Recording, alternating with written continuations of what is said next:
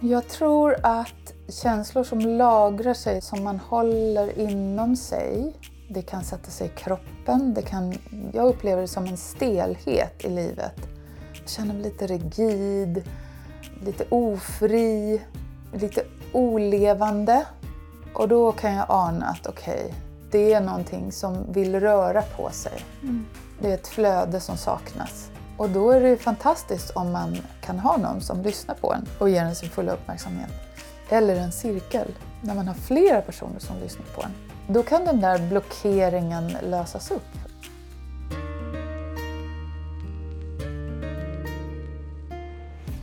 Jag heter Josefin Turesson Kämpe. Och i den här podden får du följa med mig när jag letar rätt på visdomen som gömmer sig bland oss. Mitt mål är att gå till botten med de där djupare frågorna som vi alla innerst inne bär på. Vad är meningen med livet? Vad är roten till våra samhällsproblem? Hur aktiverar vi vår fulla potential? Och hur blir vi lyckliga? Det här är Visdomsjakten och jag hoppas att den här podden ska ge dig inspiration till att leva ett medvetet liv, växa som person och hitta din grej. Vi gör den här resan tillsammans för en visare värld.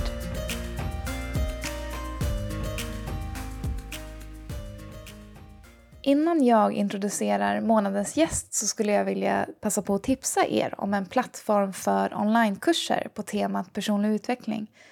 Och den heter Framgångsakademin. Och det är även min nya arbetsplats sen i början på augusti. Och det känns helt amazing. Framgångsakademin startades av Alexander Pärleros som driver Framgångspodden. Och tanken är att gäster och andra som har mycket kunskap inom sitt område ska få ett större utrymme att dela med sig av den till andra genom de här kurserna. Då. Och min roll är att vara med och utforma innehållet i de här kurserna tillsammans med ett grymt team. Jag tänkte att ni som lyssnar på den här podden säkert är intresserade av personlig utveckling, I think. Nej, förmodligen. Um, så jag tänkte att det var ett bra, en bra plats att tipsa om Framgångsakademin. Så tycker du att det låter intressant och vill veta mer om det så kan du gå in och kolla på framgangsakademin.se. Okej, nu till dagens intervju. Några av er kanske känner till Circle Way-lägren som brukar hållas på Mundekulla i Småland varje år. Eh, men för er som inte gör det så kan jag kortfattat säga att det är ett läger där man sluter upp mycket i cirklar och delar det man har på hjärtat helt enkelt. Och det kan vara i en större cirkel, en större grupp människor som sitter eller med en person eller färre personer. Och man pratar inte som vanligt och folk liksom avbryter och kommer med råd och sånt där. Utan det är en speciell metod som är väldigt läkande då. Man lyssnar på ett speciellt sätt. Och de här lägren startade redan 1995 av Waponak-indianen Medicine Story, lite osäker på uttalet där. Men eh, Medicine Story som skrivit boken De ursprungliga instruktionerna. Visdom från den amerikanska ursprungsbefolkningen. Jag minns faktiskt att jag frågade honom när jag träffade honom för några år sedan på Circle Way vad han ansåg att media borde bli bättre på idag. Och jag minns att han svarade någonting i stil med att de borde uppmärksamma fler positiva saker som händer i världen. Så det där tog jag till mig och tänkte mycket på. Och på de här lägren så upplever jag i alla fall att jag har fått också mer kontakt med naturen och med en slags gemenskap med andra människor. och så mycket kontakt med mig själv och mina känslor. Dagens gäst då är Berit Jarama Estabruk som jag träffade på Mundekulla på det här lägret 2017. Och nu, fem år senare, så träffar jag henne igen på det här lägret och får intervjua henne till min podd. Och Berit har varit med på de här Circle Way-lägren ända sedan 1995 när det startade. Så det är många cirklar och hon kan idag en hel del om känslor och läkning och även om begränsande tankar. Eh, Berit är uppväxt i Stockholm men bor sedan drygt tio år tillbaka i Virginia i USA. Där hon bland annat ägnar sig åt att måla och leda kvinnocirklar. Hon har också utforskat många spirituella traditioner och verktyg. Bland annat shamanism och sufism. Och I den här intervjun får vi höra Berit berätta om ett förflutet av att vara vilsen och känna sig trasig. Att söka sig till fel människor och lida av skev kroppsbild och till och med ätstörningar i det här fallet. Hur det är att ha en stark inre kritiker och hur man kan ersätta den rösten med självkärlek och börja hitta hem till sig själv mer.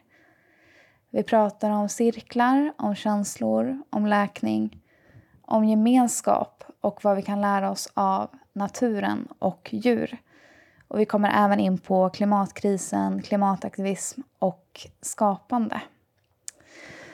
Och den här intervjun är inspelad i ett litet, litet gult hus på kvällen här under det här lägret i somras medan det regnar ute. Och eh, vi har haft en intensiv dag med svetthydda och allt möjligt.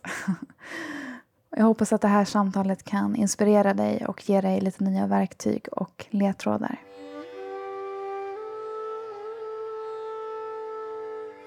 Välkommen. Tack. Till din först, nästan första intervju. Ja. Du var lite tveksam om du skulle vara med. Jag är inte så van att vara intervjuad. Nej. Men eh, det är kul. Jag har ju träffat dig tidigare, det känns. Det underlättar ju. Mm. Ja. Och vi sitter ju här på Mundekulla i Småland. Mm. Där vi båda är på sånt här Circle Way Camp. Mm. Det var ju riktigt kul att vi skulle hit båda två nu. Ja, för verkligen. Vi, för vi hade pratat ju om att få till den här intervjun. För vi sågs ju 2017 på det här retreatet första gången. Precis. Och sen tre år senare så startade jag den här podden och så skrev jag upp en lista på alla kloka personer jag mött. och eh, jag visste inte riktigt om du var klok, men jag trodde det. jag tänkte, det här, det här är en person som har varit med om mycket saker, kände jag. Mm. Och eh, du hade väldigt mycket lugn. Och Mm. jag visste att du hade varit här många gånger tidigare också. Och så dina tavlor som jag såg sen vart jag ju helt... Alltså jag tyckte de var så himla speciella. Mm. Och liksom talade till någonting i mig. Mm. Eh, Fint. så då vart jag väldigt nyfiken också eftersom jag själv håller på med kreativitet och så. Mm. Men Mundekulla och Circle Way. Mm. Vill du bara berätta, hur många gånger har du varit på det? Alltså jag kommer inte ihåg exakt hur många gånger det är, men det började... Först, mitt första läger var 95. Och då, När jag föddes alltså. Ja. Och då har jag varit med sedan dess. Då var det startade i Värmland. Och där var jag med och det var liksom... Det förändrade mitt liv. Det kändes som att jag hittade en, min stam och mina stamäldste med Story och Elika då som leder de här lägren.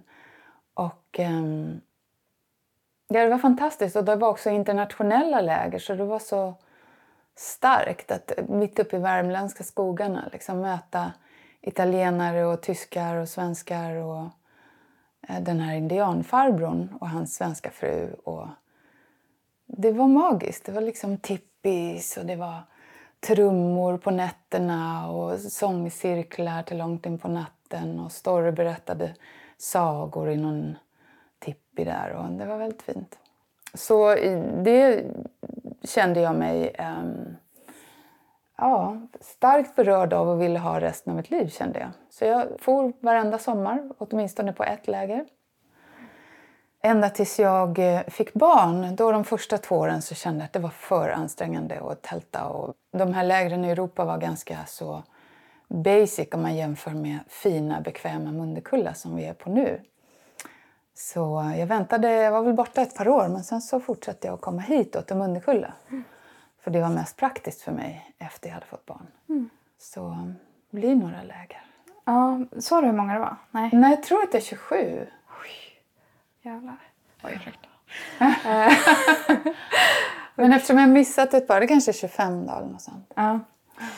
Okej. Och eh, du berättade lite kort så här, men vad är det som är grundgrejen man gör på de här lägren som du har dragits till? Ja. Alltså det första som kommer, som kommer till mig då när du frågar det, det är liksom att påminna oss, för att använda stories ord lite grann, att påminna oss om att vi är goda längst inne. Det är liksom lite grann kärnan känner jag, i hans budskap. Att, eh, för det var även på fängelserna när han har åkt runt med Story Elika så är det liksom inför de här Eh, männen som sitter intagna och som har levt hårda liv och som inte tycker om sig själva speciellt mycket längre. Så tror jag att deras mission var väldigt mycket att påminna dem, dem om att de är goda. Och det berörde mig också som vilsen tonåring. Liksom, att någon kom ihåg att jag var god. Och sen så går lägren ut på att komma nära, att göra saker tillsammans. Man sitter ju då mycket i cirklar förstås. Ehm, på de här internationella lägren så lagade man mat tillsammans också, man passade barnen tillsammans. Och de var längre, så det, det var kanske inte så mycket mer innehåll men det var mera tid att göra alldagliga saker tillsammans. Och mycket sådär sång in på nätterna och sånt. Så allt det här bygger liksom upp så himla stark gemenskap. Och just den här känslan av en stam som jag känner att de vill återskapa. Och, och igen påminna oss om. Liksom, det finns i våra gener och det behöver liksom... Vi saknar det. Jag saknar det. Jag tror jag letade efter det sedan jag var barn och inte visste att jag letade efter det. Men när jag hittade det så var det som att ja men visst, det är klart, det är så här man ska leva. Så blir det inte så då, resten av tiden. Men åtminstone den här veckan, tio dagarna, så känns det som att komma hem. Vad fint beskrivet. Mm. Vi ska gå in mer på cirklarna just och mm. vad som händer där. För det är ju som en metod kan man säga, eller ett mm. verktyg. Liksom. Um, men jag funderar på om vi ska börja från början. Du bor i USA. Ja. Och du håller lite såna här cirklar. Mm. Och du målar. Mm. Och då undrar jag så här. Vem är Berit? Ja, det är en livslång fråga som man får leva med. Mm. Vem är hon just nu? Um... Oh, vilken fråga. Um... Vad har ni att in på? uh... Ja, hon är någon som har varit vilsen och som har letat och sökt och som mer och mer hittar hem kanske. Tror jag nog man skulle kunna säga. Och eh, som blir mer och mer tillfreds med att vara jag. Sen vad, det, vad jag är, jag vet inte riktigt. Jag tror att mer och mer så kommer jag på vad jag inte är kanske. Mm. Att liksom släppa det som man har hållit fast vid. Både dåligt liksom som negativa tankar om sig själv men också släppa idéer om vad man ska vara och sådär. Så att det börjar faktiskt bli mer och mer okej okay att bara vara Berit, vad nu det mm. Nice. Mm. Och då undrar jag vad du har gjort för att komma dit. Alltså till den punkten är det själv. Men först undrar jag, du började någonstans i ditt liv att söka. Mm. Um, blev intresserad av personlig utveckling och mm. liksom att förändra saker och, i ditt liv. Vart började den här resan för dig skulle du säga? Um, jag tror det började med en känsla av um, att inte höra till, att inte känna sig sedd eller önskad som liten alls. Och att jag då sökte mig antingen till djur, hundar i det här fallet, eh, och andra husdjur. Eller till någon idé om Gud. Jag var inte uppväxt i en religiös familj men jag hade en, en idé om vad Gud var. Så det var liksom, ja men jag har Gud liksom. Så då allting ordnar sig på något sätt. Jag kan alltid ta någon slags tillflykt dit. Sen var det också någon slags illusion, inte alls vad jag uppfattar som liksom gudomligt nu men som liksom en mer sådär pappa Gud i himlen. Liksom. Och eh, från det så var en väldigt snårig väg av att eh, på något sätt längta efter någonting. Kanske inte visste vad det var, men bara liksom följde någon längtan. Och ibland ledde det inte alls dit jag kanske mådde så bra av att vara. Men som mådde, måste ta de krokarna just då, de kringen i krokarna just då. Liksom. Vad syftar du på då? Ja, till exempel att jag inte kunde vara hemma mycket.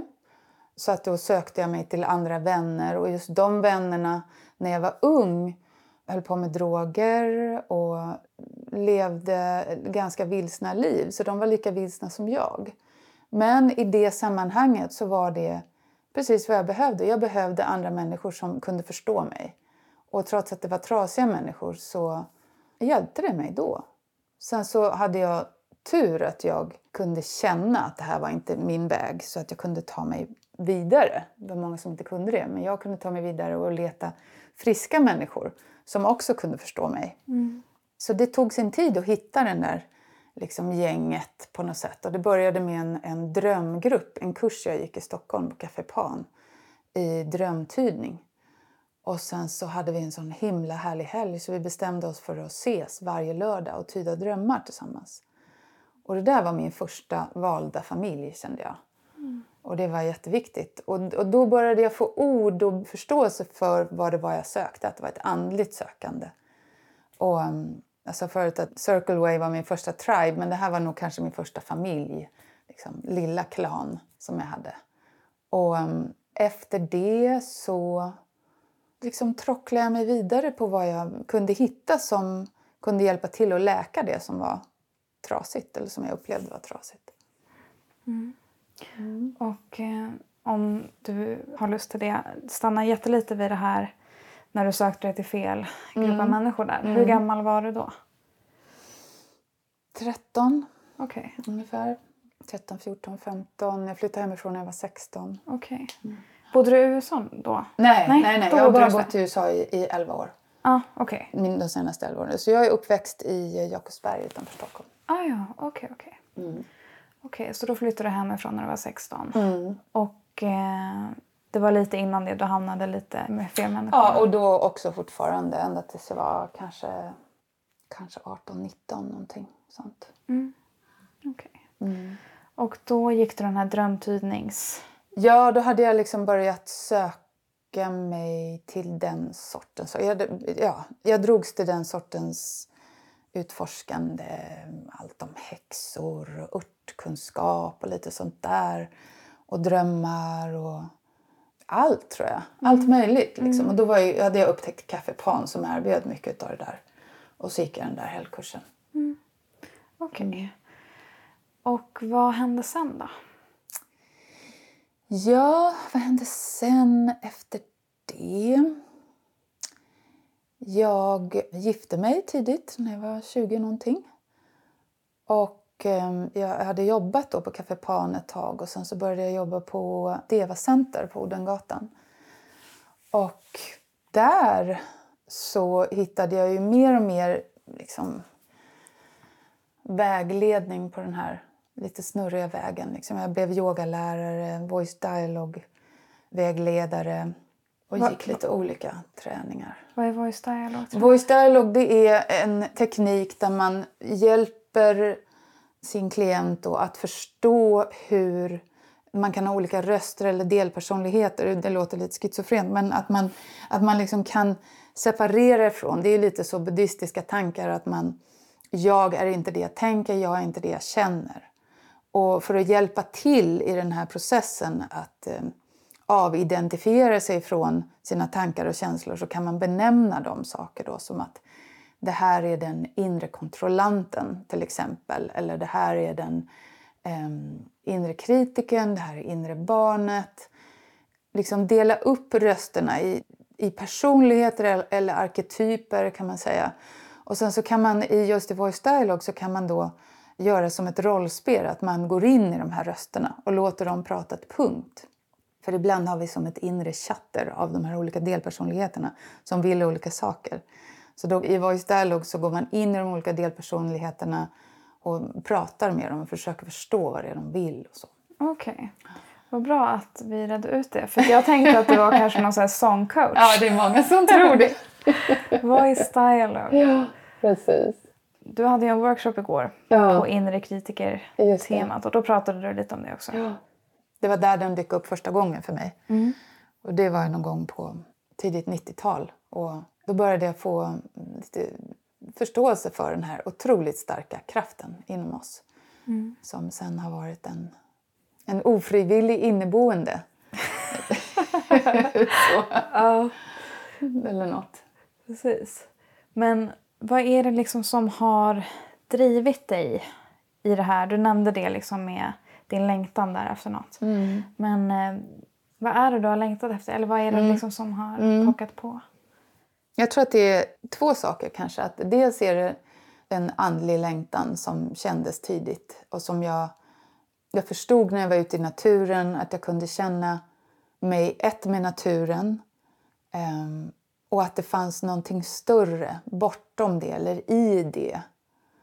Och att saker och ting har ande kändes självklart för mig. Att djuren har ande, att vi har ande, att allt som lever har ande. Men det kändes som någonting väldigt privat som bara jag tyckte.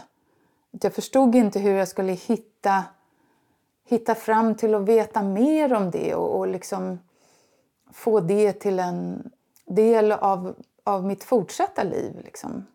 En längtan efter tillhörighet med allt som jag egentligen kände men ville veta mer om och att jag ville lära känna mig själv. Liksom. Ehm, och det andra var att jag var så pass ja, trasig redan tidigt så att jag sökte ett sätt att bli hel och hitta min, min kraft och hitta mig själv igen. På vilket sätt var du trasig? Ja, det känns som att um, min mamma hade inte förmågan att vara där på det sätt som jag hade behövt. Och um, som jag sa då så sökte jag mig till andra saker och jag fick också gömma så stora delar av mig själv så att jag inte kunde hitta dem sen. Och sen så försökte jag hitta det genom att, att söka mig till andra människor och, och få kärlek, lappa ihop det där hålet, bristen på kärlek genom att hitta det någon annanstans. Och mm, när man har ett sånt där hål då är det lätt att det kommer någon och vill fylla det som inte egentligen ska vara där. För man har inte förmågan att, att sålla, man har inte förmågan att säga nej. Så mm, redan när jag var 16, 17 tror jag så träffade jag en man som jag var tillsammans med i några år och som misshandlade mig eh, under flera år. Och eh, jag levde under dödshot och ja, det var liksom plågsamt och våldsamt och skrämmande. Och jag försökte fly, försökte fly, jag flydde till Australien till och med. Men eh, han kom ikapp. Och eh, det var väldigt, väldigt läskigt och traumatiskt. Och någonting som jag också behövde hela. Så det, det var dels tidig barndom, min pappa försvann när jag var liten också. Och sen den här relationen. Tack för att du berättar. Mm. Det var mycket som behövde tittas på i dig själv helt enkelt. Också. Absolut. Och, och vad som hände då var ju att jag... Det började märkas liksom i mig att jag måste hitta ett sätt att hela mig själv. Jag började få ångestattacker. Jag förstod inte liksom, vad är det här för något. Jag kan inte andas. Mitt hjärta håller på och hoppar i kroppen. Och jag kände mig paralyserad. Så det var en, en tidig signal på att okej, jag tror att jag behöver en terapeut. Och Eh, jag utvecklade tidigt ätstörningar också. Så att jag var både anorektisk och bulimisk i olika perioder. Så att jag var tvungen att söka mig till terapeuter. Och det var väldigt bra. De första terapeuterna var, det var inte så lyckat. Men eh, sen träffade jag på en ätstörningsklinik träffade jag en terapeut som jag fortfarande har kontakt med. Inte för ätstörningar alls, men hon har verkligen blivit som en otroligt kär, vis kvinna som jag har lyckan att få ha i mitt liv. Vad är det för typ av terapi då? Ja, vad är det liksom? Jag vet inte. Bara att hon är kärleksfull och klok och jag pratar och hon frågar liksom. Okej. Det är väldigt otekniskt så. Men hon, hon har ingen så här uttalad metod? Eller? Ja, det har hon säkert men hon liksom blandar och ger och gör lite vad som faller henne in. Ibland klämmer hon på punkter på kroppen och sådär samtidigt som vi pratar. Okej. Och hon ställer frågor och du får prata eller? Ja, För det mesta. Typ. Och Hon är väldigt ovanlig terapeut. Hon kan liksom ge referenser från sitt eget liv och berätta exempel och, och sådär också. Mm. Inte så som det brukar vara med terapeuter. Men det har varit väldigt givande för mig. Det har fungerat väldigt bra för mig. Mm.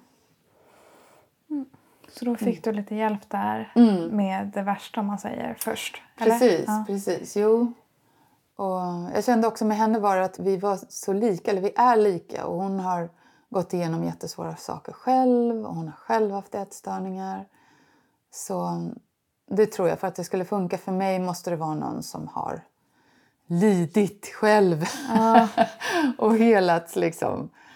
Ja, det räcker liksom ofta inte med en utbildning mm. i skolan så, utan man måste Nej. ha mött saker. Mm. Mm. Det tror jag också. Mm. Okej, okay. och sen då? För jag vet att du har utforskat lite olika metoder och verktyg och mm. sånt för att läka. Mm. Vad är det andra största som har hjälpt dig som du hittade? Ja, alltså jag kan inte säga sådär liksom graderar så riktigt. Det har verkligen varit olika saker som har varit väldigt viktiga olika perioder. Mm. Jättestor behållning av att göra yoga i många år till exempel. Stor behållning av att meditera, uppe passarna, meditation. Sökte inom sufismen ett bra tag. Också, det var väldigt vackert och starkt. Men jag tror det som hela tiden kom mest naturligt för mig var bara att ha kontakt med naturen. Mm. Och hitta tillbaka till det som jag upplevde som självklart när jag var liten. Att kommunicera med naturen och att vara ute i den och bara vara. Liksom. Och, och att kommunicera med djur, bara med hjärtat. Liksom. Inte någon avancerad djurkommunikation eller så, utan bara um, känna en samhörighet och en kärlek till naturen och djuren. Det kändes som det mest naturliga. Sen tog det ett tag innan jag fann det som en väg eller tradition. Men det, det, fann jag ju senare inom shamanismen och har mött det till och från under livet. Men det är som att de senare åren har det landat som en... Ehm, ja, det har landat tillsammans med en, ehm, upplevelse av att den här kontakten med naturen är en kontakt med Moder Jord. Det en, finns något feminint kring det. Jag har studerat lite grann med peruanska shamaner som ju refererar till det som Pachamama. Och um, det känns bara väldigt rätt. Så det inte, har inte varit någon speciell lärare så, eller en speciell schamansk tradition. Bara varit ett allmänt utforskande. Så. Mm. Du har tittat på väldigt många olika. Liksom. Mm. Vad är det som den här kommunikationen med natur och djur, mm vad är det den ger dig skulle du säga? Det känns som naturen är som en spegel. Eller en bok ibland.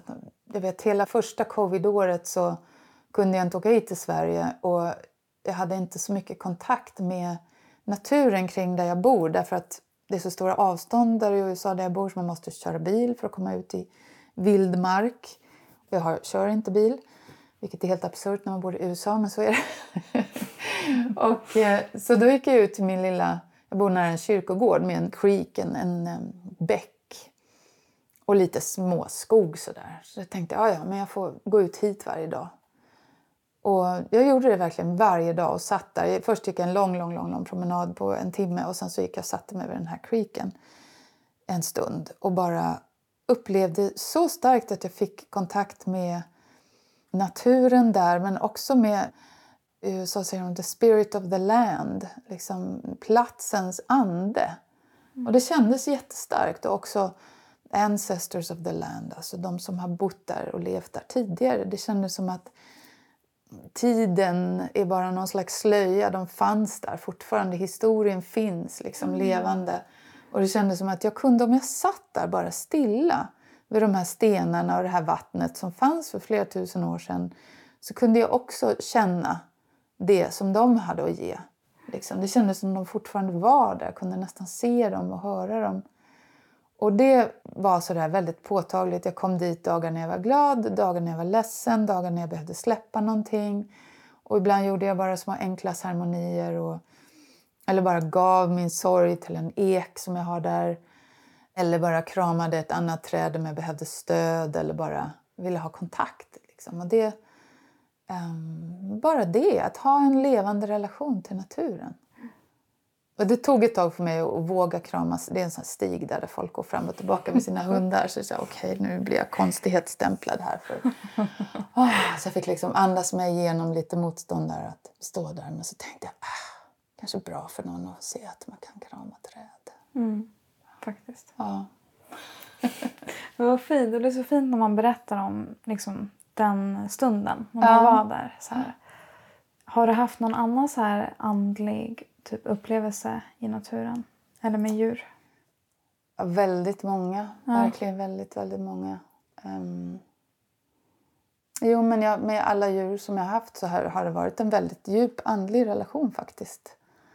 Och um, de har varit med mig i drömmar. Jag har haft utekroppen-upplevelser med mina katter. Mm -hmm. vad, vad menas med det? Det låter jättespacigt. Eh, det var en period i mitt liv när jag kunde ha utekroppen-upplevelser. Det är många som har det. Ofta är det bara en period, sen försvinner det. Men att man är medveten om att man sover och sen så kan man till och med gå ur kroppen och se kroppen som sover nedanför sig. Och, och gå ut ur rummet, gå igenom väggar, gå igenom taket, ovanför staden, ovanför landet. Man kan röra sig utan kropp. Liksom. Det, du hade det med dina katter? Jag hade det, hade det med min ena katt, ska säga inte katter, utan min ena katt. Hon och jag var ute och reste på natten ett par gånger. Mm. Och det var helt fantastiskt. Era själar var liksom tillsammans? Ja, precis. Okay. Och vi kunde se varandra. Det var helt fantastiskt. Wow. Ja, väldigt spacigt. Jag hör nu hur det låter. Och några som kommer höra det här och tycker oj, oj, oj, vilken flummig hon är. Men eh, jag har varit inne och nosat på det där lite också. Så jag, jag, ja. tror, jag vet ju att det finns något ja, det finns där verkligen. Det finns verkligen. Eh, men mm. gud vad spännande. Ja, det var jättemånga år sedan. Jag är lite ledsen för det för det var så speciellt att ha de där upplevelserna. Mm. Men min senaste väldigt, väldigt starka upplevelse det var en eh, hund som gick bort 2016. Mm. En stor och svart blandrashund som jag är helt säker var en, jag kallar honom för min pälsängel. En liksom inkarnerad bodhisattva, jag är helt säker på det. Mm. Så att jag hade otrolig tur att leva med. Bara en, en eh, upplyst själ, en ängel liksom, som kommer ner och vill vara, vill vara med en. Och det var bland mitt livs största välsignelse verkligen, förutom min nuvarande familj. Mm. Vad heter hunden? Chad hette han. Chad. Ja. Och hur märkte du det här på? Ja, alltså det började första natten när jag fick honom. Så drömde jag att jag mötte en man, låg i en säng med en man och att jag såg på honom att det här var Chad. Och att han hade nu kommit hit. Så det var någon jag kände sedan tidigare. Och vi var bara så nära. Det var som... Jag vet, folk pratar om tvillingsjälar och så. Jag har inte upplevt att jag har träffat någon tvillingsjäl bland människorna. Men det här var min tvillingsjäl. Mm. Hur gammal blev han? Han blev nästan 16 år. Ja. Bodhisattva, för de som inte vet vad det är? Alltså en, en, eh, en själ som är upplyst men som ändå väljer att komma tillbaka för att hjälpa människorna. Mm. Det hörs ju att du har utforskat lite buddhism. Eller? Ja, väldigt lite. Väldigt lite. Alltså, jämfört okay. med många som jag känner så är det väldigt lite. Okay. Du har bara mm. tagit lite ord. Nej, jag ja, det, alltså, jag har hört mycket och läst en del sådär var det på retreat. Men jag har inte, det har inte varit en eh, tradition som jag har levt med dagligen. Så. Mm. Men jag har inspirerats av det, definitivt. Mm, mm, jag skulle vilja gå tillbaka lite till om du fick några så här insikter när du började titta inåt på dig själv och så tog upp grejer som du behövde läka. Mm. Dels undrar jag, vad innebär det att läka egentligen? Ja, det är en bra fråga.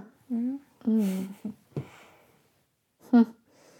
Det är en ganska motstridig fråga. Liksom, för att om man ska läka något så utgår man ifrån att något är trasigt. Ja, precis.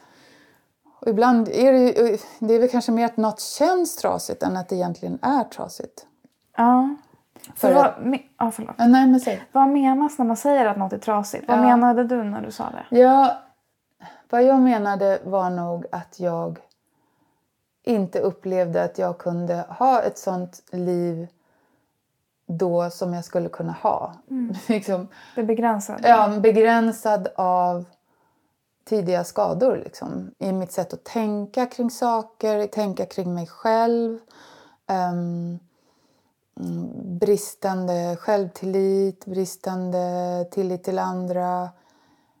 Ja, som jag sa tidigare så var det ångest och ätstörningar mm. som var tydliga symptom på att liksom, någonting måste läkas, är det ordet jag kommer på. Men det var ju så det upplevdes, att det där är symptom på att någonting är trasigt. Mm. Men sen så inser jag ju nu att en del av läkeprocessen är ju, eller som man kanske förstår efter ett tag, är ju att det är något i en som aldrig blir trasigt.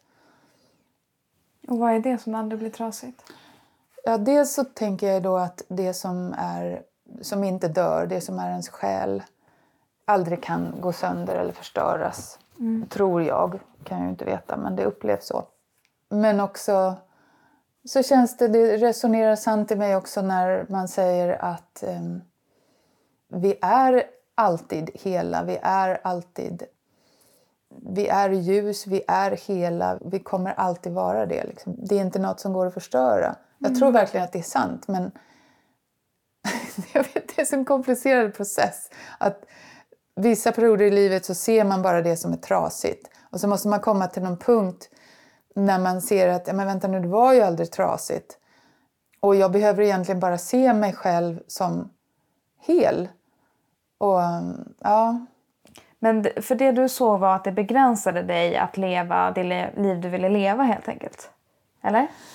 Eller... Ja, så var det ju på ett sätt. Men sen så tänker jag så här att de flesta människor som är andligt sökande och de flesta människor som man möter här på Mundekulla eller liknande sammanhang har alla haft en väldig massa svårigheter i livet. Och att det är för att vi någonstans har en längtan att bli hela eller inse att vi redan är hela. Hur vi nu vill sätta ord på det. Mm, ehm, ja, inse att vi hör ihop med någonting som är större och att vi kanske har det inom oss redan. Vi har svaren där redan.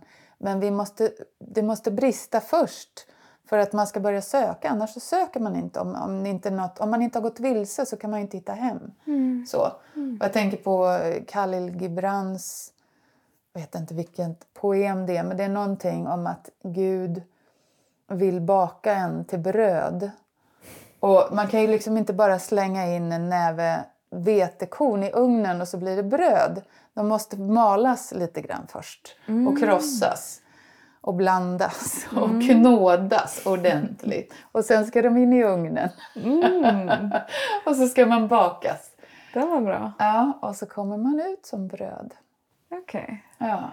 Och det som det är symbol för då? Ja, att, att eh, vi måste kanske krossas lite och knådas lite. Och det är en symbol för? för de som är tröga att lyssna på det här, tänker eh, Nej, men att, att eh, man måste ha de där svårigheterna i livet för att finna mm. det man söker. Att man... Mm, mm. Yep. Ja. För jag började tänka lite på det här som vi gör här på lägret också. Mm. Med att låta det brista alltså rent känslomässigt. Um, för jag har varit så lite, för, nu kommer jag in på mig här, men lite förvirrad när det gäller det här med känslor. Mm. För att jag tänker att om man blir liksom för mycket i ledsenhet till exempel att jag typ nästan är rädd att känslorna ska ta över en så att mm. man inte är i sin hög, högre energi som man kan vara. Mm. Um, vad var din liksom, ursprungliga idé om hur känslor fungerar och mm. hur har den förändrats under de här åren på Circle Way? Och... Jag tror att det um, här på Circle Way och, och, de här samtalen som vi har här med varandra två och två mm. grundar sig på en metod som kallas för parsamtal. Mm. Och där är ju idén att eh, har man en person som lyssnar på en och som ger en sin absolut fulla uppmärksamhet och tittar på en med en kärleksfull blick då kommer man inte fastna. Det kommer inte hålla på för evigt. Utan då leds man själv till vad man behöver för att hela vad det nu är som är, känns som det behöver helas. Och tanken här är att um, när känslorna kommer upp och när tårarna kommer upp så är det inte själva skadan utan det är själva läkningen mm. som sker. Mm. Så um, när de kommer upp här och man blir sedd då händer någonting som inte händer om man gråter och gråter och gråter ensam på sin kammare. Mm. För då kan det kan visserligen kännas förlösande ibland men det, det är inte alls på samma sätt. Nej. För att när man gör det så här då i ett tryggt sammanhang så hittar man vad man kanske inte fick när man var liten. Att någon verkligen lyssnade och tittade på en kärleksfullt. Mm. Kanske var en stressad mamma eller vad det nu kan ha varit. Mm. Så. Precis. Och du sa att det här, de här campsen har typ förändrat ditt liv, sa det här i början. Ja. ja. På vilket sätt har det gjort det? Um, ja, dels själva metoden, att parsamtal har varit väldigt bra. Men starkare än det var nog den här känslan av att höra hemma. Och att ha en tribe. Nu har ju en triben, den här stammen, det är inte så att den består av 150 personer som heter si och så, utan det är visserligen samma människor som leder en story Elka eh, runt om i världen så kommer folk och går. Men på något sätt så, så återkommer väldigt många människor ändå och det kommer hela tiden nya. Men det är någonting som händer bara när man spenderar sån här tid tillsammans, den här sortens kvalitetstid verkligen, så, så passar alla in i den här stammen. Det är som inte att man måste vara på något speciellt sätt för att passa in i den här klubben. Liksom. Utan det, jag tror att det är något genetiskt, att vi vill, vi längtar efter att möta så här och leva så här. Och att se varandra i ögonen då och då och att vara vänliga. Och... Det är så mycket kärlek, så det är det vi allihop längtar efter. Mm. Och därför passar alla in som, som vill komma. Mm. Och det är ingen liksom sekt som man inte får gå ur. sånt där. Bra att tydliggöra det. Och det är inga gurus som leder, det är väldigt vanliga människor mm. eh, som bara råkar ha mycket erfarenhet och visdom. Mm. Och metoden från början kommer väl från Story? Eller? Det Nej, kommer från dels. Story lärde sig av, av Harvey Jenkins, tror han heter, som startade parsamtal. Mm. Och så han lärde sig metoden parsamtal. Och sen så ville han söka sig tillbaka till sina eh, traditioner inom Just det. Och han är native american kan man ja, säga. Wampanoag indian från östkusten. Mm. Så han eh, sökte sig till äldre i sitt community för att lära sig av dem. Mm. Ja, att hitta tillbaka till traditioner och, och, instruktioner som han kallar det för. Han känner som att vi har tappat bort våra instruktioner. Som en fjäril vet hur man flyger men en människa mm. vet inte hur man ska vara människa riktigt. Mm. Så han ville hitta tillbaka till de här instruktionerna och så har han kombinerat det, både story och Elika, tillsammans med parsamtal. Varierat parsamtal för att mer passa in i det här sammanhanget. Mm. Och um, egentligen är det bara väldigt enkelt. Liksom. Komma tillsammans, respektera varandra, lyssna på varandra, tala från hjärtat, bry sig om varandra. Mm. Var snälla mot barnen. Mm. Ja, det, det är viktigt. Inte vara elak mot barnen. Nej, men liksom så här, verkligen basic saker. Mm. Gud, vad bra beskrivet, verkligen. Mm. Um, nu är jag lite upprepning här, men det här med att läka igen. Mm. Du sa att läkningen sker till exempel när vi gråter. Mm.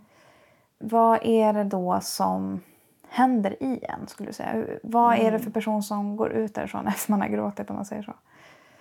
Vad har mm. hänt? Vad har hänt för dig när du efter sådana saker? Ja, jag tror att känslor som lagrar sig, som man håller inom sig det kan sätta sig i kroppen, det kan, behöver inte göra det, men det kan också sätta sig i en... Jag upplever det som en stelhet i livet. Jag, liksom, jag känner mig lite rigid, eh, lite ofri, lite olevande. Och då kan jag ana att okej, okay, det är någonting som vill röra på sig. Mm. Det är ett flöde som saknas. Och då är det fantastiskt om man är i en situation då som man kan ha någon som lyssnar på en och ger en sin fulla uppmärksamhet. Eller en cirkel, när man har flera personer som lyssnar på en. Och man kan prata om vad det nu är som man tror att det handlar om. Ibland kan det vara bra att bara prata om det men, men om man dessutom kan få kontakt med de här känslorna som, som sitter inom en då kan den där blockeringen lösas upp, känner jag. Och att det där flödet tittar tillbaka. Mm.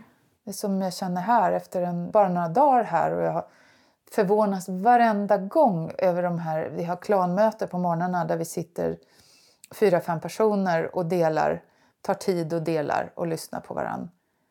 Utan att jag har en aning om det så bara kommer det upp massor med grejer. Som jag, inte, jag visste inte det. Det bara passar på för att jag känner mig omedelbart så himla trygg här. Och så kommer det upp och så känner jag mig bara mer och mer levande för varje dag.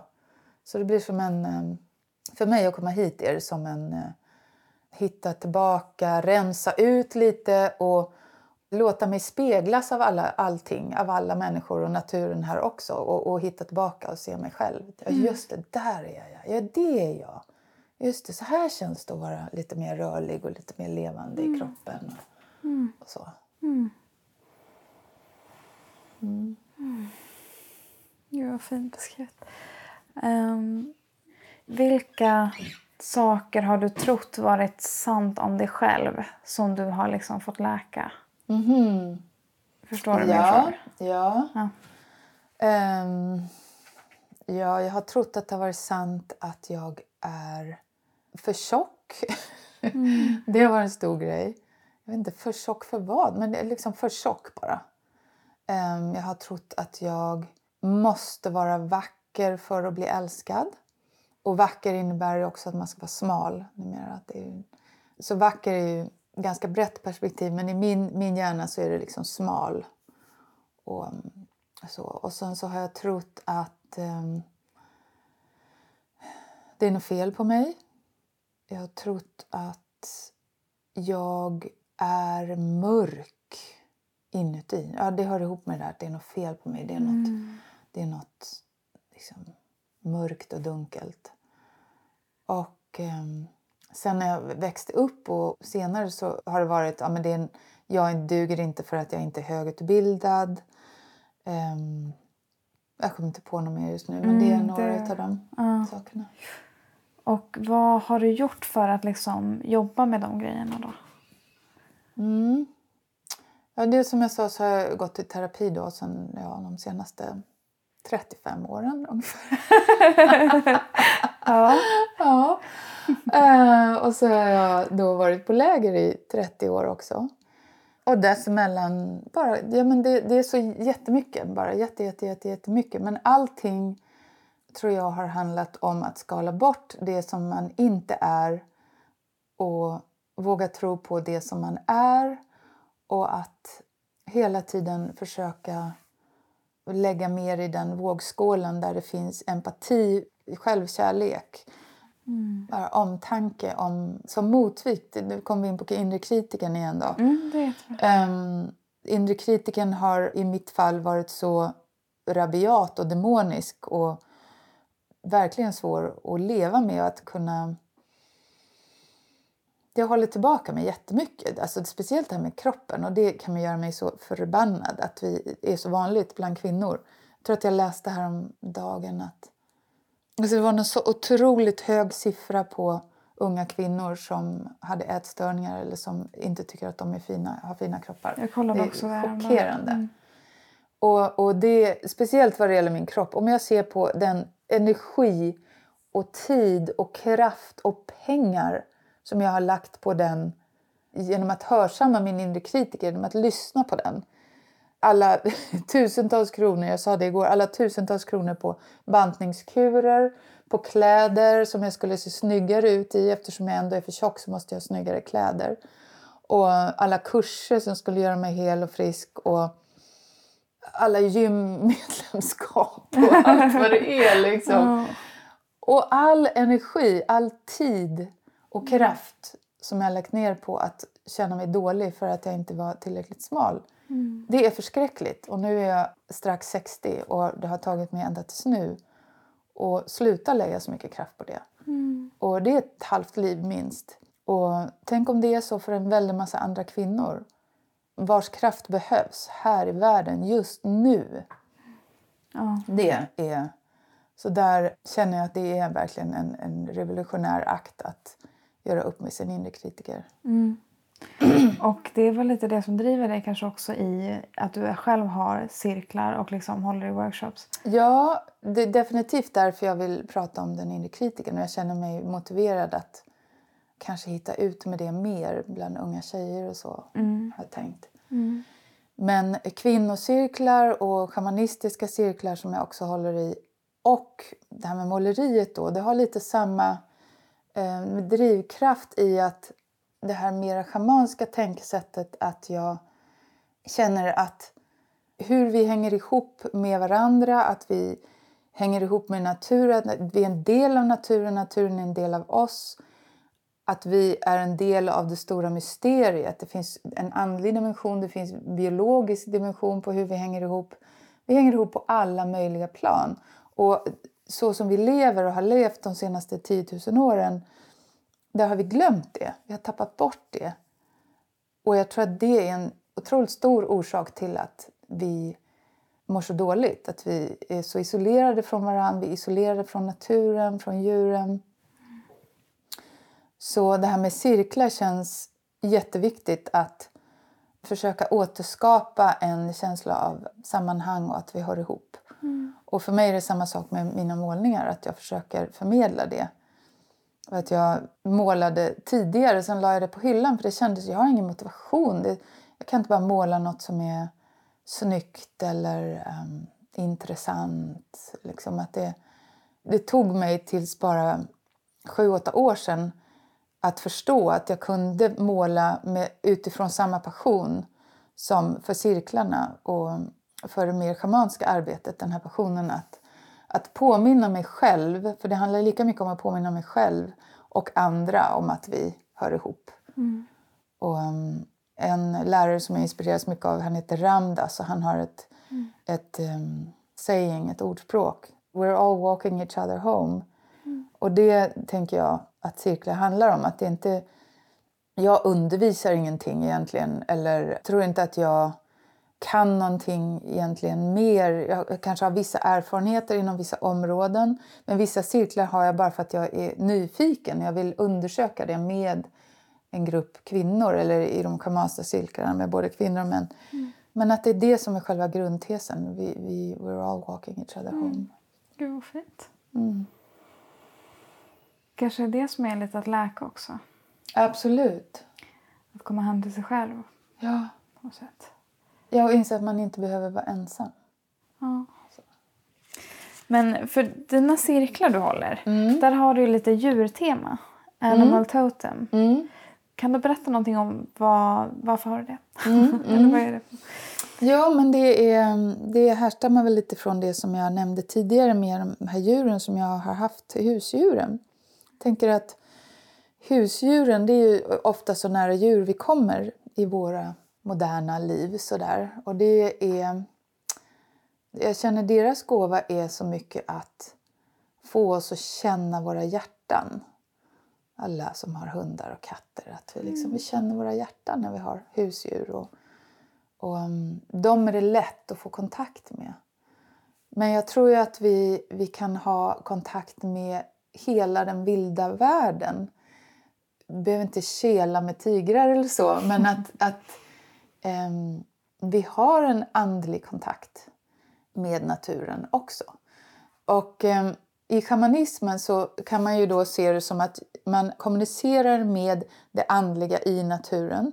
Men man kan också bara se det som en, en spegelyta.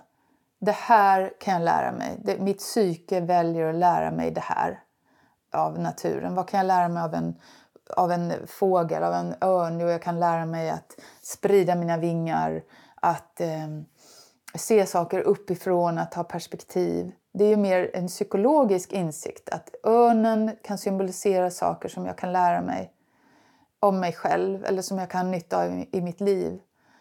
Men sen på en trumresa, på en shamanistisk trumresa, då kan jag faktiskt också möta örnens ande. Mm. Och där kan igen, man behöver inte tro det för att det ska fungera. Man kan liksom tänka sig att ja, men det kan också vara en, en mental projicering. Och det är okej okay också om det fungerar. Att man låtsas lite? Eller? Att man låtsas. Ja. Men då är, det, då är det ens egen visdom som uttrycker sig i den här örnen som man föreställer sig. Mm. Och det är ju inget fel i det heller. Det är Nej, men precis. whatever works liksom. Okej, okay, så att de blir som symboler för saker vi kan lära oss Ja, de kan bo, alltså, vi kan både lära oss saker rent biologiskt från djur. Liksom. Vi har ju gjort det i alla tider. Aha, björnen äter de bären, då kan de ju inte vara helt giftiga. Och så lär vi oss att vi kan äta de bären också. Då har vi lärt oss något av björnen. Liksom. Vi studerar björnen. Men sen kan vi också lära oss, aha, björnen vilar när den föder barn så går den i ide. Mm, det är kanske är någonting för mig, jag som är så trött på vintern, jag kanske borde göra lite mer som björnen. Så då kan jag lära mig det på ett psykologiskt plan, liksom, jag tar till mig björnens medicin på det planet.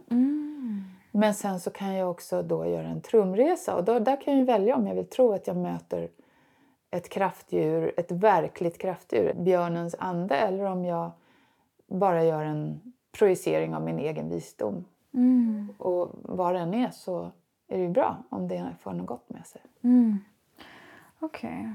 Har du någon, något annat exempel, något annat djur vi har lärt oss någonting av? Eller som du har lärt dig någonting av? Mm. Ja, men det är vissa djur som man kanske inte har omedelbara budskap men som är någonting som är med en ett tag och som man får liksom undersöka. Som orm till exempel för mig har varit ett sånt där djur som både fascinerad av och rädd för. Um, och så blev jag ormbiten i foten för när jag var i 20-årsåldern. Det är ju i och för sig ganska vanligt men det är inte så vanligt att man blir ormbiten. tänkte jag men då är det någonting för mig det här med ormen som är just för mig. Eller för alla andra som är ormbitna. Men, så, ehm, och då får man tänka till lite mer på det. Okej, vad, är, vad representerar onden, ormen? Och ibland drömmer jag om ormar. Och då kan det ju vara så till exempel att man får kolla symboliskt vad det har betytt i olika tider. kan man lära sig ifrån. Vad betyder ormen för mig? En symbol för mig kan ju vara annorlunda än vad det betydde för grekerna. Det kan vara så att ormen symboliserar kraft till exempel. Man kan vara rädd för sin egen kraft och det kan finnas mer kraft att hitta. Det kan vara så många saker. Det var intressant för jag har typ aldrig tänkt, eller aldrig var väl överdrivet men det var ett litet nytt sätt att tänka för mig faktiskt. Alltså, typ med vargar tänker jag att där finns det någonting med teamwork. Eller så här också med det familjära. Där har jag nog tänkt lite så i och för sig. Jag hade en annan intervju ganska nyligen där vi pratade just om djur. Att de är väldigt bra på att leva i sin fulla potential som djur. Men att vi är dåliga på att leva i vår fulla potential Just som det. människor. och det stämmer väldigt överens med det du har pratat om här. Ja, precis. Ehm, och just att ibland djur kan söka sig till människor. Och att de kanske känner till då att vi kan mycket bättre än vad vi gör nu. Alltså att vi är kanske goda innerst inne.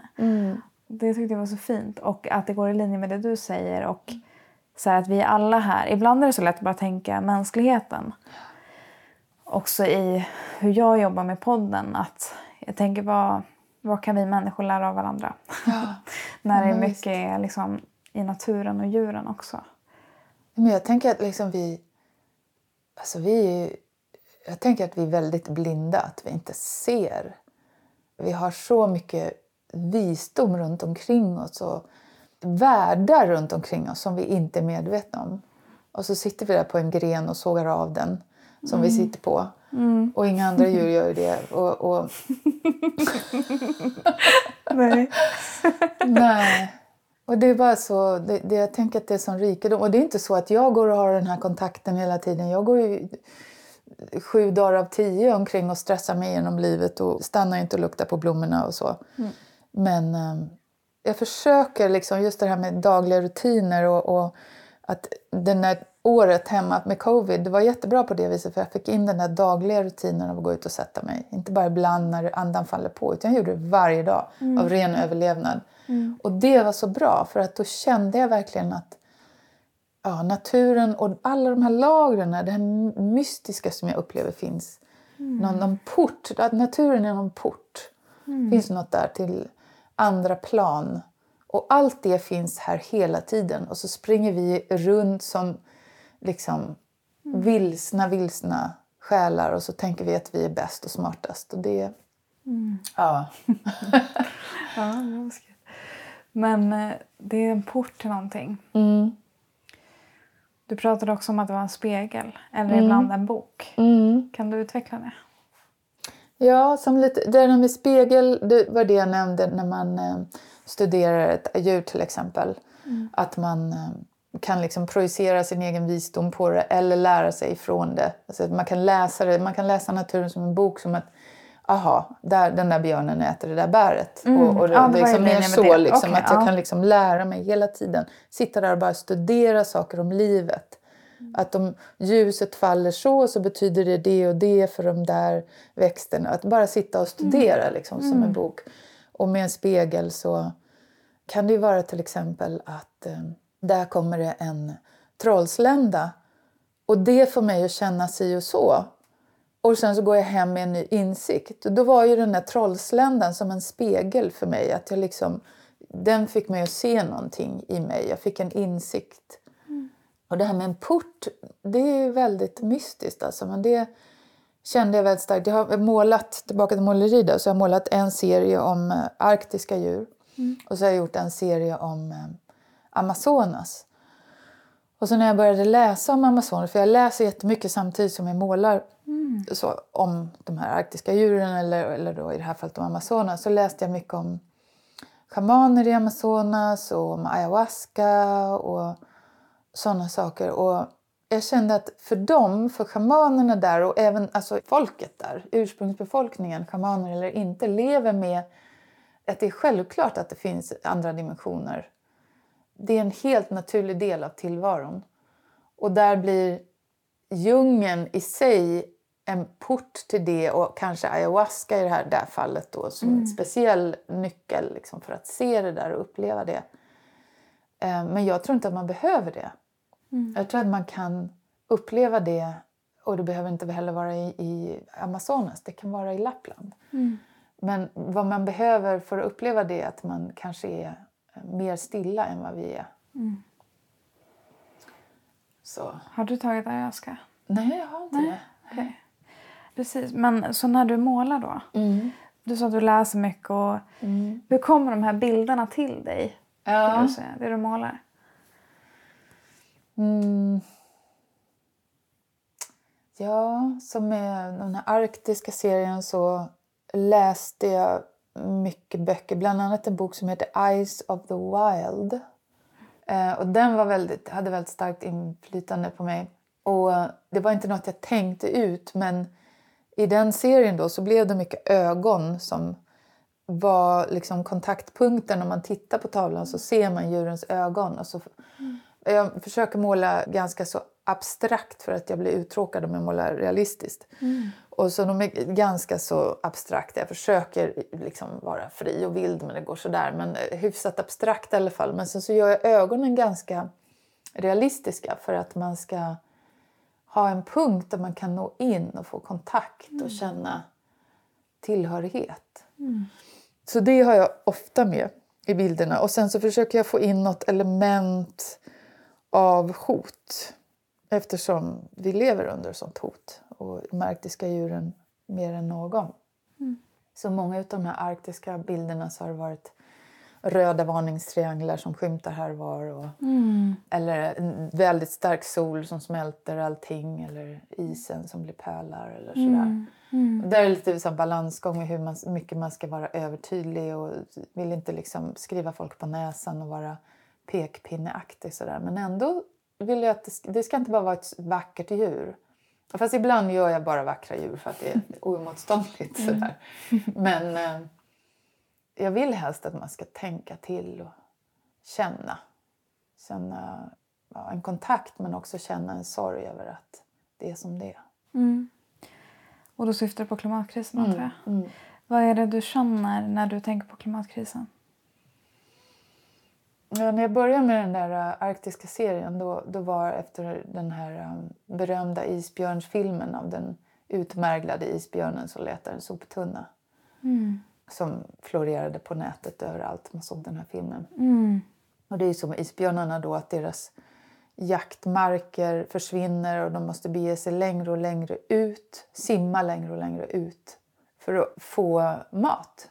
Och de blir så utmärglade så de ibland drunknar eh, eller inte hittar tillräckligt med mat. Det finns massa andra anledningar också, toxiner och sånt i miljön. Men då var min känsla sådär, bara helt, jag var helt förkrossad. Jag vill inte leva på den här planeten utan isbjörnar. Så. Vad håller vi på med skulle du säga? Vad, vad tror du det är som saknas? Liksom? För det känns som du har en väldigt så stark kontakt till allting med naturen och djuren. Ja, bitvis liksom. Ja. Ja. Men, Ja. eh, men eh, det känns som det är på så många lager. Mm. Alltså att det här sociala är ju en grej. Liksom att man inte ens kan som människor fungera tillsammans. Mm. Hur ska vi då kunna läka jorden? Liksom? Mm. Kan jag tänka ibland. Mm. Precis. Ja, men jag tror att det, det, det skulle vara jättebra om man kunde få in liksom lite mer cirkeltänk bland miljöaktivister till exempel. Mm. För att om man tar, jag tänker på polarisering, vi och dem sådär som har blivit väldigt tydligt med covid också. Det är vi och dem och vi och dem hela tiden och vi har rätt och de har fel. Ehm, det hjälper inte. Liksom. Det tänket, det är bara mer av samma. Verkligen. Det är jättelätt att gå in i. Det är verkligen förföriskt.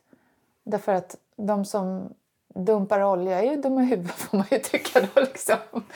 Men, men det hjälper inte.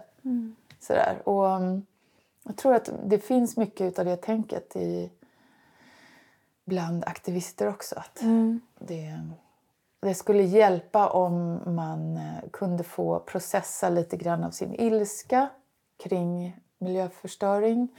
Ehm, känna på massa känslor av frustration och, och lyssna på varann. Och att det känslomässiga får vara en del av processen. Jag tror det skulle hjälpa till och göra folk mer samspelta. Och, Vad tror du skulle hända då liksom, i dem? Ja, att det kanske...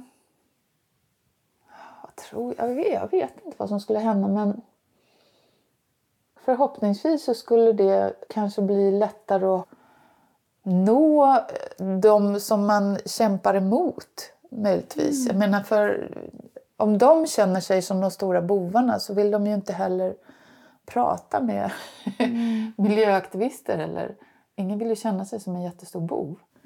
Och att man kanske kan hitta sätt att lyssna på varandra bättre. Ehm, Jag är inte så politiskt insatt alls. Jag är ingen, ehm, Politiker. ingen politiker, ingen aktivist heller förutom i, i det jag gör med cirkulär konst. Där är jag en aktivist eller med min inre kritiker. Men inte ute i världen sådär på arenorna. Så jag vet inte. Men det här med polariseringen då. Jag kan bara märka att det gör ont i mig när det liksom droppar ner till ens Facebook-vänner när det gäller för eller emot vaccin. Och så blir vi plötsligt i olika läger och, och fienden på något sätt. Och det känns som att, nej men vänta nu här. Vi ska väl ändå se bortom detta. Vad spelar det för roll vad man tycker om vaccin? Vi har ju lärt oss nu på alla de här kurserna att försöka mötas i hjärtat. Där behöver det finnas någon lösning. Jag tror verkligen inte det hjälper att den ena gruppen säger att den andra gruppen är liksom grundlurad eller så. Håller helt med dig. Ehm, jag tänkte på det här med kreativitet och skapande. Ja. Jag målar ju också lite grann och har mycket så kreativa intressen och sånt. Och ibland kan jag få så här kreativa blockeringar. Att det så här inte kommer någonting eller att jag fastnar i ett utifrån perspektiv. Eller så känner jag någon kontakt ett tag med det jag vill uttrycka. Och sen eh, liksom försvinner det. Typ. Ehm, hur har ditt utforskande kring kreativitet och skapande sett ut skulle du säga? Ja, alltså det är faktiskt samma sak där. Att jag har känt att det behöver man inte heller göra själv. För när jag målade förr om åren, jag la ner det som, som jag sa tidigare massor med år. Då var jag själv, stod ensam i en ateljé. Delade i och för sig med en annan person men det var ändå väldigt ensamt. Och så la jag ner det och sen så plockade jag upp det när jag bodde i Wien, fortfarande väldigt ensamt. Och det kändes bara motigt och träigt och tråkigt. Och så tog jag upp det när jag flyttade till USA. Vi flyttade till ett ställe som heter Old Town i Virginia. Och där finns det en gammal torpedfabrik med massor med ateljéer och konstkurser. Och jag började ta några kurser där och först kändes det inte riktigt rätt. Det var väldigt traditionellt måleri. Men jag började lära känna människor där och så upptäckte jag en annan lärare, det var väldigt bra lärare där, eller är väldigt bra lärare, som eh, målar abstrakt och som undervisar abstrakt. Och jag målade inte abstrakt, jag målade realistiskt. Men då tänkte jag nu ska jag utmana mig själv, så jag började där. Och fick verkligen kämpa lite i början för det var väldigt svårt för mig att tänka abstrakt. Men det var jättebra att jag ruckade på hela min bild av hur jag målar. Mm. Och sen så träffade jag bara så himla bra människor där. Så det blev ett litet gäng som började ta hennes kurser igen och igen och igen. Det var så många ögon liksom, som kunde se på ens grejer. Varje, varje klass avslutar vi med en kritik då, så man får ge feedback. Och då menar jag inte liksom kritik, utan kritik då på engelska är att man ger feedback. Det är, ah, okay. ja, det är ett annat ord för feedback ah, mer än kritik. Det är inte liksom, nej jag tycker inte det där. Utan det är mer jättebra um, återkoppling. återkoppling. Och det kunde vara så där också att man ställde tavlan upp och ner så. Och tycker att okej, okay, men där ser man att det kanske var, ja men det funkar inte heller. Vi provar att vända den åt andra hållet nu och sådär. Och um, vi kunde till och med göra övningar och, och gå in på varandras tavlor, måla på varandras dukar. Mm. Och um, få liksom lite övningar som var ja, lite lätt provocerande ibland för att släppa taget. Och det var jätte, jättebra för mig. Mm. Och um, jag tror inte alls att mitt måleri skulle ha kommit någon vart faktiskt. Inte alls om det inte hade varit för för de där kurserna. Mm. Och det var som sagt inte direkt att lära sig, mer att det var ett community av folk som tog sig tid att titta på varandras konst. Mm. Men var det Vedic Art? Eh? Nej, nej, nej, nej bara vanligt, vanlig konstkurs. Konstkurs. Men att det var en stark gemenskap ja, i gruppen? Ja, precis. Okay. För vi började ses utanför den också och mm. liksom ibland så om jag har målat något då har jag några vänner som jag vet att jag kan lita på som har liksom bra blick. Då skickar jag en bild till dem. Vad tycker du? Är den färdig? Liksom? Mm. Och så säger de, nej men där uppe i högra hörnet, det känns inte riktigt. Vad tror du om det och det?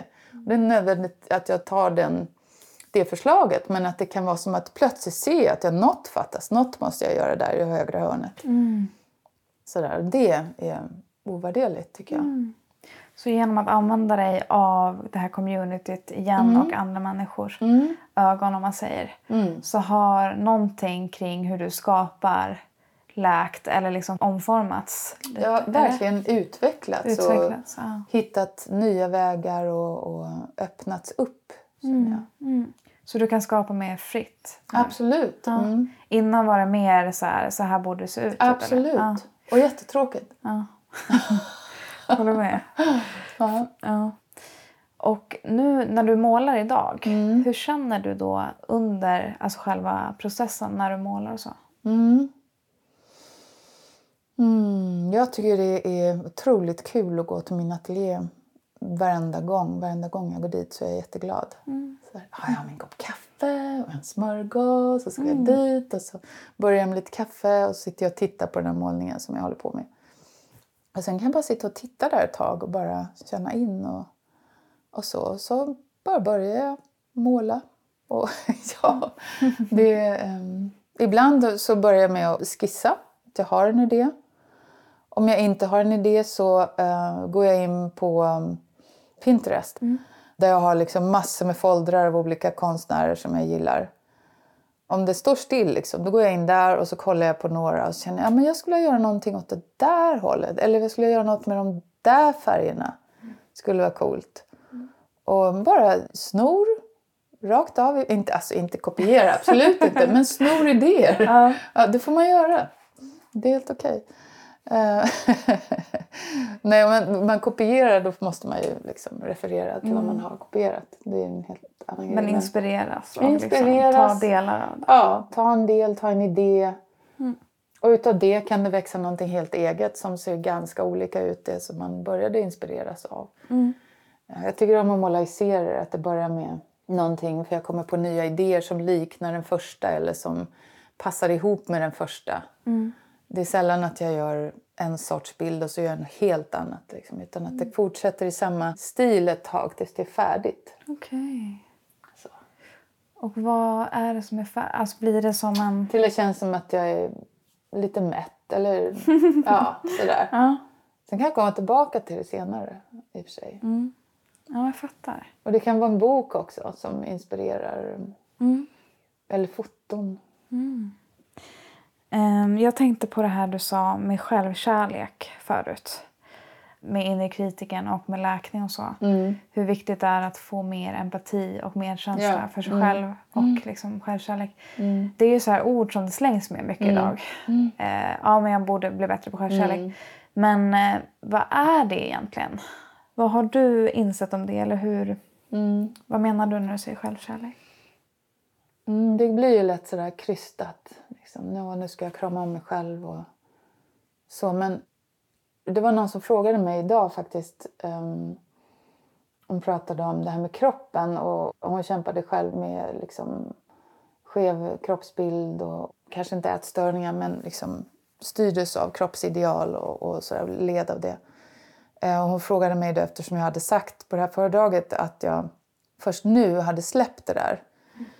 Eh, och då frågade hon vad var knepet, liksom? vad, var, vad var grejen som gjorde det? Och jag försökte verkligen tänka efter, så här, har det varit något knep? Och jag tror verkligen inte det. Utan jag sa det tidigare med vågskålar. Att eftersom jag har haft en sån här stark inre kritiker så har jag fått jobba länge. Det måste få ta tid. Såna där djupgående mönster och tankestörningar liksom måste få ta tid innan det kan bli någonting annat tror jag. Det, jag tror inte det går att bara köra någon sån här snabb fix. Eller, jag har i alla fall inte råkat på det. Det kanske går. Men för mig var det i alla fall så att det måste göras igen och igen och igen. Såna små saker, små, små, små grejer. Alla hundratals tips och tekniker har liksom fått användas igen och igen och ibland glömmer man bort det. Ibland har man ingen aning om vad man har lärt sig. Vad är det nu jag ska göra? Hur ska jag ta hand om mig själv? Ja, ja, men jag, jag, jag ger mig själv en kram i alla fall så här. Någonting, att det är bara några små gester hela tiden. Till slut kommer budskapet in, tror jag. Något budskap om eh, att jag, att jag duger. Liksom. Till slut. Att det är det. Inget stort och revolutionerande, bara till slut blir den där vågskålen större. Um, och jag kände det som att någon slags ömhet för mig själv tog över. Som lilla gumman, det räcker nu. Så, nu är det bra. Nu får det vara så här. Och jag hade förmodligen inte kunnat komma dit när jag var 25 eller 30 eller ens 40 för att jag hade inte, hade inte tillräckligt med verktyg. Och um, Men kan det vara att man också pratar med sig själv på ett annat sätt? ja men absolut. Ja. Absolut. Man har lite mer ömhet. Det kan bara vara det, precis. Bara i tilltalet. Att man säger liksom lilla gumman till sig själv. Ja. Och du pratade lite om meditation också. Ja. Att det kan vara ett verktyg. Absolut. Vad är, vad är det som händer då? Liksom? Ja, att man får distans så känner jag att meditationen har gett. Och att jag är medveten om den inre kritiken när den kommer. Är nummer ett, att kunna vara medveten om den. Och har man, mediterar man så övar man upp den där muskeln lite grann. Att man lite snabbare kan bli medveten. Så att den inte får tag i en så mycket. Liksom att okej, där, aha, hoppsan, där är den. Och eh, mediterar man så kanske man också kan uppleva att okej, jag är inte den inre kritiken, jag är inte heller det inre barnet. Jag är ingenting av det här, utan jag är den som betraktar. En del upplever att jag är den som är medveten om att jag betraktar. Och till slut, jag är. Jag är ingenting av det här. Jag är inte mina tankar, jag är inte mina känslor. Och det ger en väldig frihet. För att när man är i den här inre kritikerns våld då är man ju antingen den inre kritiken eller man är barnet som är offret. Och det är ju otroligt plågsamt. Så där kan meditationen verkligen hjälpa en att ha lite space. Liksom. Gud vad bra beskrivet. En snabb grej på inre kritiken. Ehm, Jag har en person i mitt liv som har en jättestark inre kritiker också. Väldigt självkritisk. Du sa ju också det att det är som ett försvar så att inte andra sen kan kritisera. Att jag, jag är först på det så att ja, då är det skadan eller skedd. Liksom. Ehm, det jag vill fråga. Den här personen då är väldigt rädd för att släppa fram känslor för att han är rädd att det kommer liksom massa, massa då. För att han har tryckt ner massa grejer. Kan det bli att man sugs ner i något djupt hål? Eller kommer man alltid ut på andra sidan? Jag tror att det är avgörande att man har någon som kan lyssna. Liksom, Kärleksfullt lyssnande. För att bara släppa upp det själv och kanske inte ha verktyg och hantera det som kommer upp. Det kanske inte är det bästa. Nej. Så antingen en jättebra terapeut eller en bra lyssnare som förmår att liksom vara kvar. Och det är ju inte alltid så lätt när det är massa starka känslor. Kanske är det tryggaste om man inte känner någon sån att ha en terapeut som ändå är tränad. Men det måste ju kännas rätt så att man är trygg. Och vad är en bra lyssnare då? Topp tre grejer. Aha. Att den personen kommer ihåg att man är god. Tänker jag. Och vad är att vara god då? Att den personen kommer ihåg att man är liksom, längst inne är man kärlek. Det tänker jag. Att man, alla är längst inne finns det någon kärna av kärlek. Och vad är kärlek? kärlek är... Ja... Välkommen till visdomsjakt. Kärlek är alltihopa kanske. Eller... Hmm. Gud. Gudinnan. Yes, någon som svarade på frågan. Jag har fått en diss av många när jag frågar den. Frågar tillbaka den, ignorerar den. Jag skojar. Nej, men eh, ibland kanske man inte ska överprata grejer kan jag känna ibland. Att det är någonting man måste uppleva. Ja, precis. Också. Det finns något sufiskt talesätt som säger att det gudomliga är större än vad hjärnan kan omfatta eller mindet kan uppfatta men aldrig större än vad hjärtat kan hålla. Så att man kan inte förstå det med hjärnan därför blir det så fjuttigt om man säger såna här fjuttord som Gud och gudinnan liksom, på det. Men hjärtat vet vad man menar. Hjärtat kan förstå. Hjärtats intelligens. Gud vad fint. Om vi ska liksom koka ner det här lite grann och sammanfatta. Om någon person känner igen sig i din historia, har gått igenom väldigt mycket och är beredd att utforska olika verktyg. Var ska man börja någonstans? Och hur ska man veta vilken väg som är rätt? För det första så ska man komma på Circle Away-läger. För då så känner man sig så trygg och upplever så mycket kärlek. Det tror jag kommer vara jättebra för vem som helst som vill utforska sig själv eller läka något. Eller komma ihåg sig själv kanske. Och har man riktigt djupa skador så tror jag verkligen att man... Har man inte Circle Way runt sig väldigt, väldigt, väldigt ofta då, då är det nog läge att ha en bra terapeut. För jag tror att det har betytt jättemycket för mig att ha en bra terapeut. Ehm, mm. Och naturen. Att vara ute och lyssna på naturen. Och... Men det, alltså, det vet jag inte, det är ju jag, det är ju personligt för mig. Men jag tror man måste försöka sätta sig ner och bara lyssna vad det är som vad hjärtat säger. För det är ju olika vägar för olika människor, det är ju så. Och alla vägar leder hem. Men och, jag tror ändå på det där som Ramdas säger, we're walking each other home. Att inte tro att man måste göra det ensam. Det tror jag är en stor missuppfattning för att vi har varit med om våra svårigheter ensamma därför att vi lever i isolerade samhällen. Eller vi lever isolerade i vårt samhälle idag. Och då får vi den missuppfattningen att nu måste vi reda ut alla de här knutarna själva också. Och det är mig det är fel på och jag måste fixa det. Och för det första så tror jag inte att det är något fel på någon och att samhället i stort är en del i att vi blir så vilsna. Men att vi kan faktiskt hjälpa varandra. Så där tror jag cirklar är suveränt. Jättebra tips. Ja. Bara det här med cirklar, du berättade ju om det med Circle Way Camps. Eh, för det som är speciellt, man sitter ju i en stor cirkel då och så går det ofta runt en talking stick. Och den som håller den får prata ostört. Det behöver inte vara en stor cirkel, det kan ju vara en liten cirkel. Ja, men precis. Ja, Men det som är speciellt med det är hur folk lyssnar. Och hur gör de det skulle du sammanfatta? Ja, alltså man behöver ju ge den personen sin fulla uppmärksamhet. Inte sitta och kolla på sin telefon eller så. det funkar inte. Jag ska testa det med nästa cirkel. ja. Men sen eh, är det några andra tips i att inte avbryta.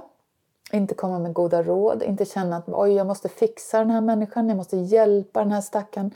Utan sitta där med en tillit till att den här personen har sin egen visdom. Och just det här med att komma ihåg godheten, du kan kalla det ljuset, kärleken, komma ihåg den här personens kärna. Att visst, den här personen kanske är jättevilsen just nu eller jättearg eller vad det nu är för någonting. Men hon eller han vet.